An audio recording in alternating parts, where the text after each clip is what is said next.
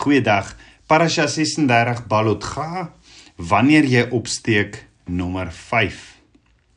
Numeri 11 vers 1 sê en die volk het hulle voor die ore van die Here beklaag dat dit sleg gaan. Die vraag is, het die kinders van Israel werklik rede gehad om te kla? Of was hulle bloot op soek na verskoning om hulle self van Abba Vader te verwyder? Want sien die woestyn is die toetsgrond wat Abba Vader voorberei het. En is ons nie ook inderdaad in 'n tydperk van toetsing nie? Bevind jy jou tans in die woestyn? In die woestyn kry jy egter 'n paar toetse. Die eerste toets in die woestyn is altyd ons gesindheid. Dit wil sê hoe ons die lewe sal benader en emosioneel op die uitdagings van die lewe sal reageer. Dan die tweede toets is altyd ons belydenis. Dit wil sê watter soort woorde ons kies om uit ons monde te kom op die uitdagings waarvoor ons te staan kom. Die derde toets is ons gedrag. Dit wil sê watter aksies of optredes ons gaan neem en watter hanteringsmetodes ons sal gebruik wanneer ons deur die lewe uitgedaag word. En die vraag is tabernakelskind van Abba, wat verg dit van jou om jou te laat stres? Watter soort klein irritasie is nodig dat jy jou shalom vrede op sy sit en so ontstel raak, teleurgestel, moedeloos of woedend raak? Watter soort omstandighede verg dit om dood te spreek en te begin kla, te memoreer? Wat is dit wat jou beroof van jou dankbaarheid vir Vader?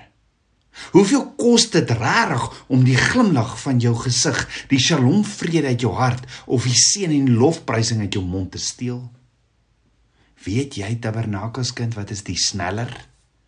Jy moet weet waar jou vlees nog steeds die protokol van 'n Vader se transformasie of heiligmaking weerstaan en dit is waaroor die woestyn gaan. Let wel.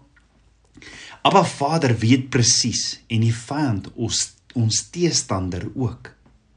Wat is daar wat nog steeds jou shalom vrede steel? Wel, Abba Vader weet dat 'n paar minute in die wildernis van Paran dit na die oppervlak toe sal bring sodat dit sodat jy dit in die gesig kan staar en daarmee kan identifiseer en kan leer hoe om daarmee te om te gaan. So tabernakelskind van Abba, die woestyn in jou lewe is 'n toets en is 'n geestelike geveg.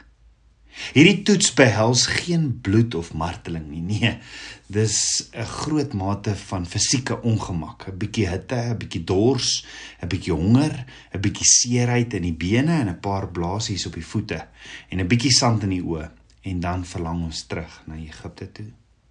En nou Vader weet presies hoe vinnig ons onbesnede hart na die duistere kant Egipte sal laat terugdraai. Hy is ten volle bewus van hoe vatbaar ons ore verskinder is. Hy weet baie goed hoe vinnig ons lippe begin kla en hoe vinnig ons sal vergeet wat hy reeds vir ons gedoen het en wanneer ons die wit handdoek wil ingooi. Maar Vader weet ook dat ons deur beproewings leer wat dit verg om gefokus te bly op hom en die droom wat hy nog altyd vir ons het. Hy weet dat ons fokus moet bly op hom ehm um, en die bestemming wat hy vir ons het. Maar nie net wat hy vir ons het nie, maar deur sy asem ook vir ons bemagtig om te bekom. So, wat is die geheim om gefokus te bly op Abba Vader se beloftes wanneer omstandighede om ons stormagtig is? Abba Vader leer my maakie saak die omstandighede nie, seën ander altyd. Loof en prys Abba Vader in alles as om te kla of te memoreer of as om jou toys uit die kot te gooi. So as die toets van geduld, die deursettingsvermoë, perspektief, vertroue in Abba Vader kom, rig jou fokus op hom. Hoor gou weer. As 'n toets van geduld, deursettingsvermoë, perspektief, vertroue in Abba Vader kom, fokus op hom. Die woord sê dat die kinders van Israel na slegs 3 dae se reis gekla het oor die swaar kry. Maar wat se swaar kry presies? Want die kinders van Israel het gesien hoe Appa Vader hulle verlos van slawerny van die magtigste nasie op aarde deur sy magtige hand en uitgestrekte arm op sy arensvlerke. Hulle het gesien hoe hy die see vir hulle skei met sy asem, sy ruach en hulle verlos het van Farao se magtige stryd Maar Vader het verder die kinders van Israel afgesonder as sy besitting. Maar Vader het vir hulle sy huwelikskontrak gegee en sy teenwoordigheid was met hulle. Hy lei hulle en hy voorsien vandat hulle uit Egipte verlaat is. So op watter grond staan hulle om te kla? Ons het gesien die eerste toets in die woestyn van die lewe is dit wat jy toelaat om in jou hart in te gaan en by jou mond uitgaan. Yeshua sê Matteus 15 vers 18, maar die dinge wat uit die mond uitgaan kom uit die hart.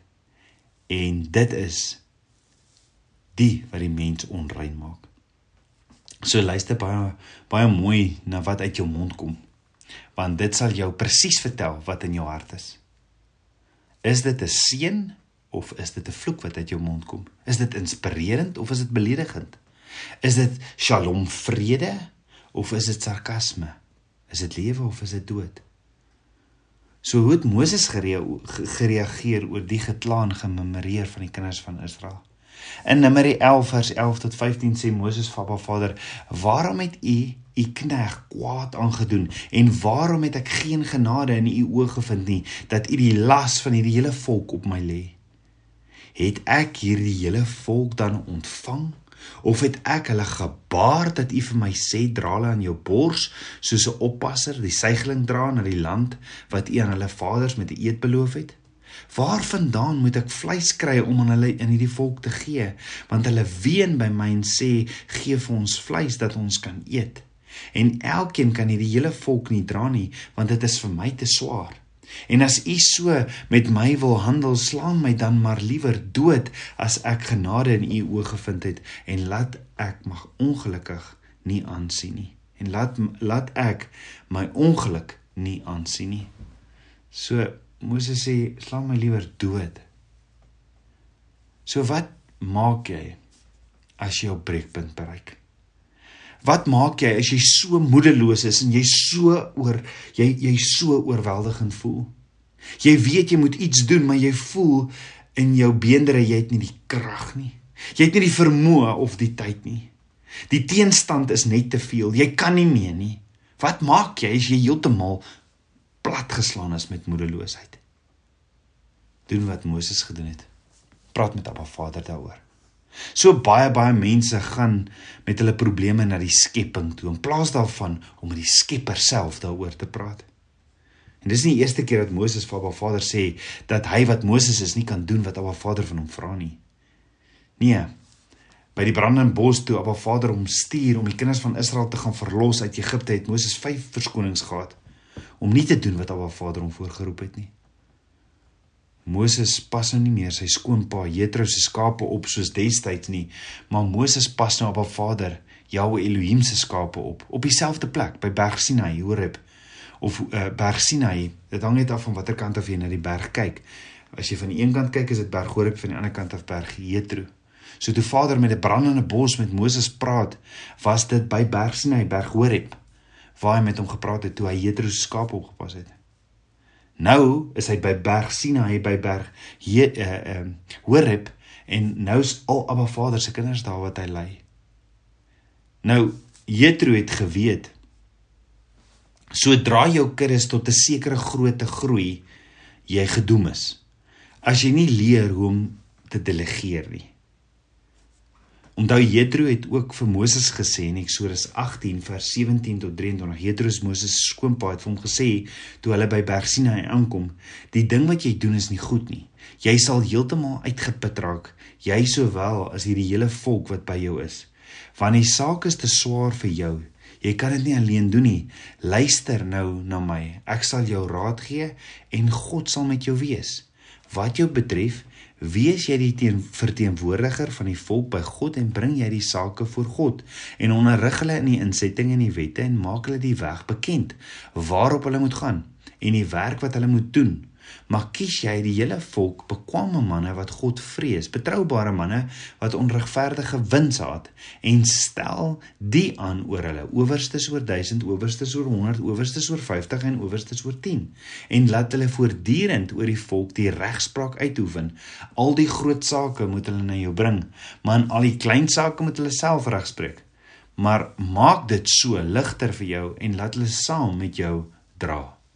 As jy dit doen en God dit jou beveel, kan jy dit uithou en sal ook al hierdie mense tevrede na hulle woonplek gaan. So dit is duidelik dat Moses se skoonpa Jethro met ondervinding oor herder en leierskap vir Moses net wou help. Jethro sê verder vir Moses: "Gaan maak seker Baba Vader." Dis hy wat hierdie vir jou beveel. Maar Moses nader vir Baba Vader En net so kan ek en jy eers amper 11 maande later sê Moses sê Moses vir Abba Vader, hy kan nie hierdie doen nie. Maar enige persoonlike verhouding met Abba Vader of met enigiemand anders behels tog goeie en gereelde kommunikasie, is dit nie? En reg deur Abba Vader se woord weet ons praat Abba Vader met sy kinders en vandag nog en daarom kan ons Abba Vader toe gaan en hom gaan vra Ons kan eerder na die Skepper toe gaan as na die skepping self. Hoekom dink ons of hoekom dink so baie mense dat Vader praat nie meer met sy kinders of antwoord nie? Hy sê in Spreuke 3 vers 5 tot 6: "Ken my en alles ek sal jou paai gelyk maak." So, wat antwoord Abba Vader toe vir Moses toe Moses sê: "My Here, maak my eerder dood. Ek kan nie hierdie hierdie is te swaar vir my." Abba Vader sê vir Moses: "Want onthou Moses het hulp nodig." Moses voel hy wil eerder doodgaan. En Abba Vader antwoord vir Moses en sê vir hom in Numeri 11 vers 16 tot 23: Bring vir my 70 manne uit die owerstes van Israel bymekaar, van wie jy weet dat hulle oudstes van die volk en sy opsigters is en bring hulle by die tent van samekoms dat hulle daar by jou kan staan. Dan sal ek neerdal en daar met jou spreek en van die gees wat op jou is Moses sal ek afsonder en op hulle lê en hulle sal jou help om die las van die volk te dra sodat jy dit nie alleen hoef te dra nie. En aan die volk moet jy sê heilig julle teenoor teen môre dan sal julle vleis eet. Want julle het voor die ore van die Here geween en gesê wie sal vir ons vleis gee om te eet want dit was vir ons goed in Egipte. En daarom sal die Here vir julle vleis gee en julle sal eet. Julle sal nie een dag of 2 dae eet nie of 5 dae of 10 dae of 20 dae nie, 'n hele maand lank totdat dit uit julle neus uitkom en julle daarvan walg omdat julle die Here wat in julle midde is verwerp en voor sy aangesig geheiling gesê het, "Waarom het ons tog uit Egipte getrek?" En toe sê Moses: 600 000 te voet is die volk onder wie ek verkeer. En U het gesê ek sal hulle vleis gee en hulle sal 'n hele maand lank eet. Sal daar vir hulle kleinvee en beeste geslag word sodat daar vir hulle genoeg sal wees? Of sal al die visse van die see vir hulle versamel word sodat daar vir hulle genoeg is? En Abba Vader sê toe vir Moses Numeri 11 vers 23 tot 25: Sou die hand van die Here te kort wees? Nou sal jy sien of my woord vir jou uitkom of nie. En toe het Moses uitgegaan en die woorde van die Here aan die volk te kenne gegee en hy het 70 manne uit die oudstes van die volk bymekaar laat kom en hulle rondom die tent laat staan en daarop het die Here neergedaal in die wolk en met hom gespreek en hy het van die gees wat op hom was afgesonder en op die 70 oudstes gelê. En terwyl die gees op hulle rus, het hulle geprofeteer, maar daarna nie meer nie. So let wel die gees wat op Moses was is toe op hierdie 70 oudstes gelê en terwyl die gees op hulle was het hulle geprofeteer en dan sê die woord daarna nie meer nie. Hæ? Hoekom? Dan sê die woord verder in Numeri 11 vers 26 tot 28 maar twee manne het in die laar agtergebly. Die naam van die een was Eldad en die naam van die ander Medad. En die gees het op hulle gerus. Hulle het behoort by die wat opgeskrywe was, hoewel hulle nie na die tent uitgegaan het nie en hulle het in die laar geprofeteer. Toe hardloop 'n seun en vertel dit aan Moses en sê: "Aldad en Medad profeteer in die laar." En Joshua die seun van Nun, die dienaar van Moses, van sy jeug af, jeug af antwoord en sê: "My heer Moses belet hulle dit." En wat sê Moses toe vir Joshua Numeri 11 vers 29? Ywer jy vir my. Ag, as die hele volk van die Here maar profete was, dat die Here sy gees oor hulle mag gee. Met ander woorde, Moses sê as die hele volk van Abba Vader maar profete was. Nou profeet in Hebreëus is die woord naba en dit beteken 'n spreekbuis van Abba Vader wat sy woord verkondig. En die vraag is, is ek en jy 'n profeet van Abba Vader? Is ons dalk ook sy spreekbuise? Ja, ek en jy is. So Abba Vader leer ons dat uh, ek en jy kan ook as profete of spreekbuise van Abba Vader wees. Ek en jy kan profeteer.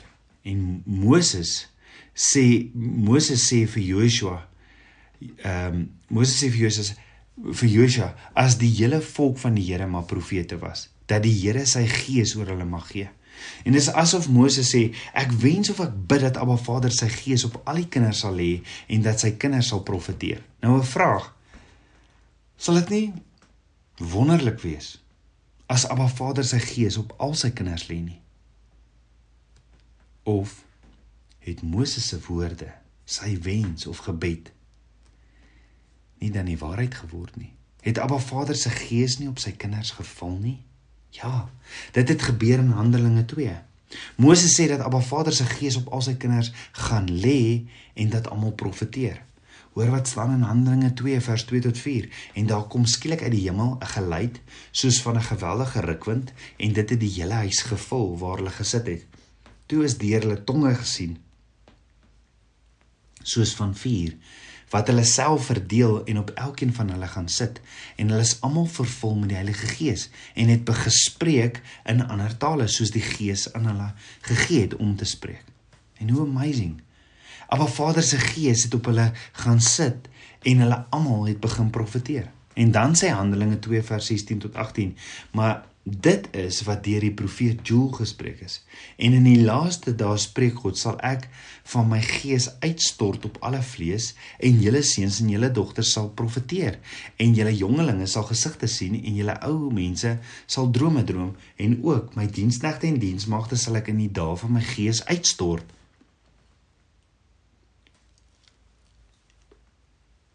en hulle sal profeteer. Met ander woorde, Abba Vader se gees is uitgestort op alle vlees. En Abba Va en Abba Vader se gees is uitgestort op alle vlees en seuns en dogters sal profeteer. Ek en jy is of 'n seun of 'n dogter. Met ander woorde, ons sal profeteer. En Abba Vader sê ook sy diensknegte en diensmaagde sal profeteer. Is ek en jy Abba Vader se dienskneg of diensmaagd? Ja. So ons kan ook profeteer. Met ander woorde, ons kan Abba Vader se stem hoor. Dan sê Paulus in 1 Korintiërs 14 vers 31, want julle kan almal een vir een profeteer sodat almal kan leer en almal bemoedig word. Met ander woorde, Abba Vader sê ons almal kan profeteer. Ons moet tog by hom 'n woord kry en sy stem kan hoor as ons wil profeteer, as ons sy spreekbuise is. En volgens Abba Vader se woord kan ons dit doen. So ons kan hom nader, ons kan met hom praat, ons kan vir hom sê en ons kan vir hom vra om ons te help en hy kan met ons praat. Ons kan hom hoor. So Handelinge 2 of of of selfs Pinkster is is die vervulling van Moses se gebed of wens in Numeri 11. Moses wat sê: "Ag, as die hele volk van die Here maar profete was, dat die Here sy gees oor hulle mag gee." En die woord sê in Numeri, Abba Vader het van die gees wat op Moses was afgesonder en op die 70 oudstes gelê en terwyl die gees op hulle rus, het hulle geprofeteer, maar daarna nie meer nie. So hier's die vraag. Hoekom daarna nie meer nie? Hoekom het Ruach HaKodes, die Heilige Gees, neergekom en op hulle gelê, maar nie gebly nie? Of hoekom het Heilige Gees op hulle gerus en nie gebly nie? Want die doop in die Heilige Gees is wanneer die Heilige Gees op jou neerdal en bly. En die eerste persoon wat ooit die doop in die Heilige Gees ontvang het, was Yeshua homself. Johannes die Doper sê in Johannes 1:33 en ek het hom nie geken nie, maar hy wat my gestuur het om met water te doop, het aan my gesê op wie jy die Gees sien neerdal en op hom bly, dit is hy wat met die Heilige Gees doop. Met ander woorde, neerdal en bly. Nie net nee, neerdal soos wat die Gees op op Saul neergedaal het en Saul geprofeteer het, maar die Gees is weer weggeneem van Saul nie. As die Heilige Gees bly na die doop in die Heilige Gees, beteken dit nie dat ek en jy altyd gehoorsaam is aan Ruach of Heilige Gees nie, maar dit beteken wel hy's altyd daar in my om my al die waarheid te leer, om my krag te gee om hierdie instrument te wees van Abba Vader. En ons weet Ruach lewe binne in ons.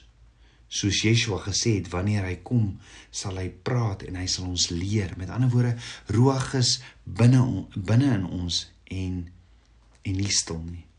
Ruach dis die Heilige Gees is binne in ons wandel saam met ons en praat met ons. En ek en jy kan Abba Vader se stem hoor en ons kan Abba Vader se spreekbuise wees ruach gee ons dan ook die krag om nie moedeloos te wees nie en ruach gee ons ook daardie vat daardie blinddoek weg sodat ons Vader se woord bestudeer en sy openbarings kan ontvang. Sy gees, sy openbarings in die geestesriem. En Filippense 4 vers 13 sê ek en jy is tot alles in staat deur Christus wat ons die krag gee. Kom ons bid saam. Aba Vader skieper van my hart. Aba ek loof en prys U. Vader was my met die waterbad van die woord en kom leef U droom deur my. Abba kom raak my mond aan met 'n vuurkoel. Ek wil net u woorde en u en en lewe spreek. Dankie vir u vars vars vars manna. Dankie vir vars brood elke dag van u tafel af. Meer en meer van u. Bid dit alles in Yeshua Messie se naam, die seun van Jahweh. Amen. Shalom.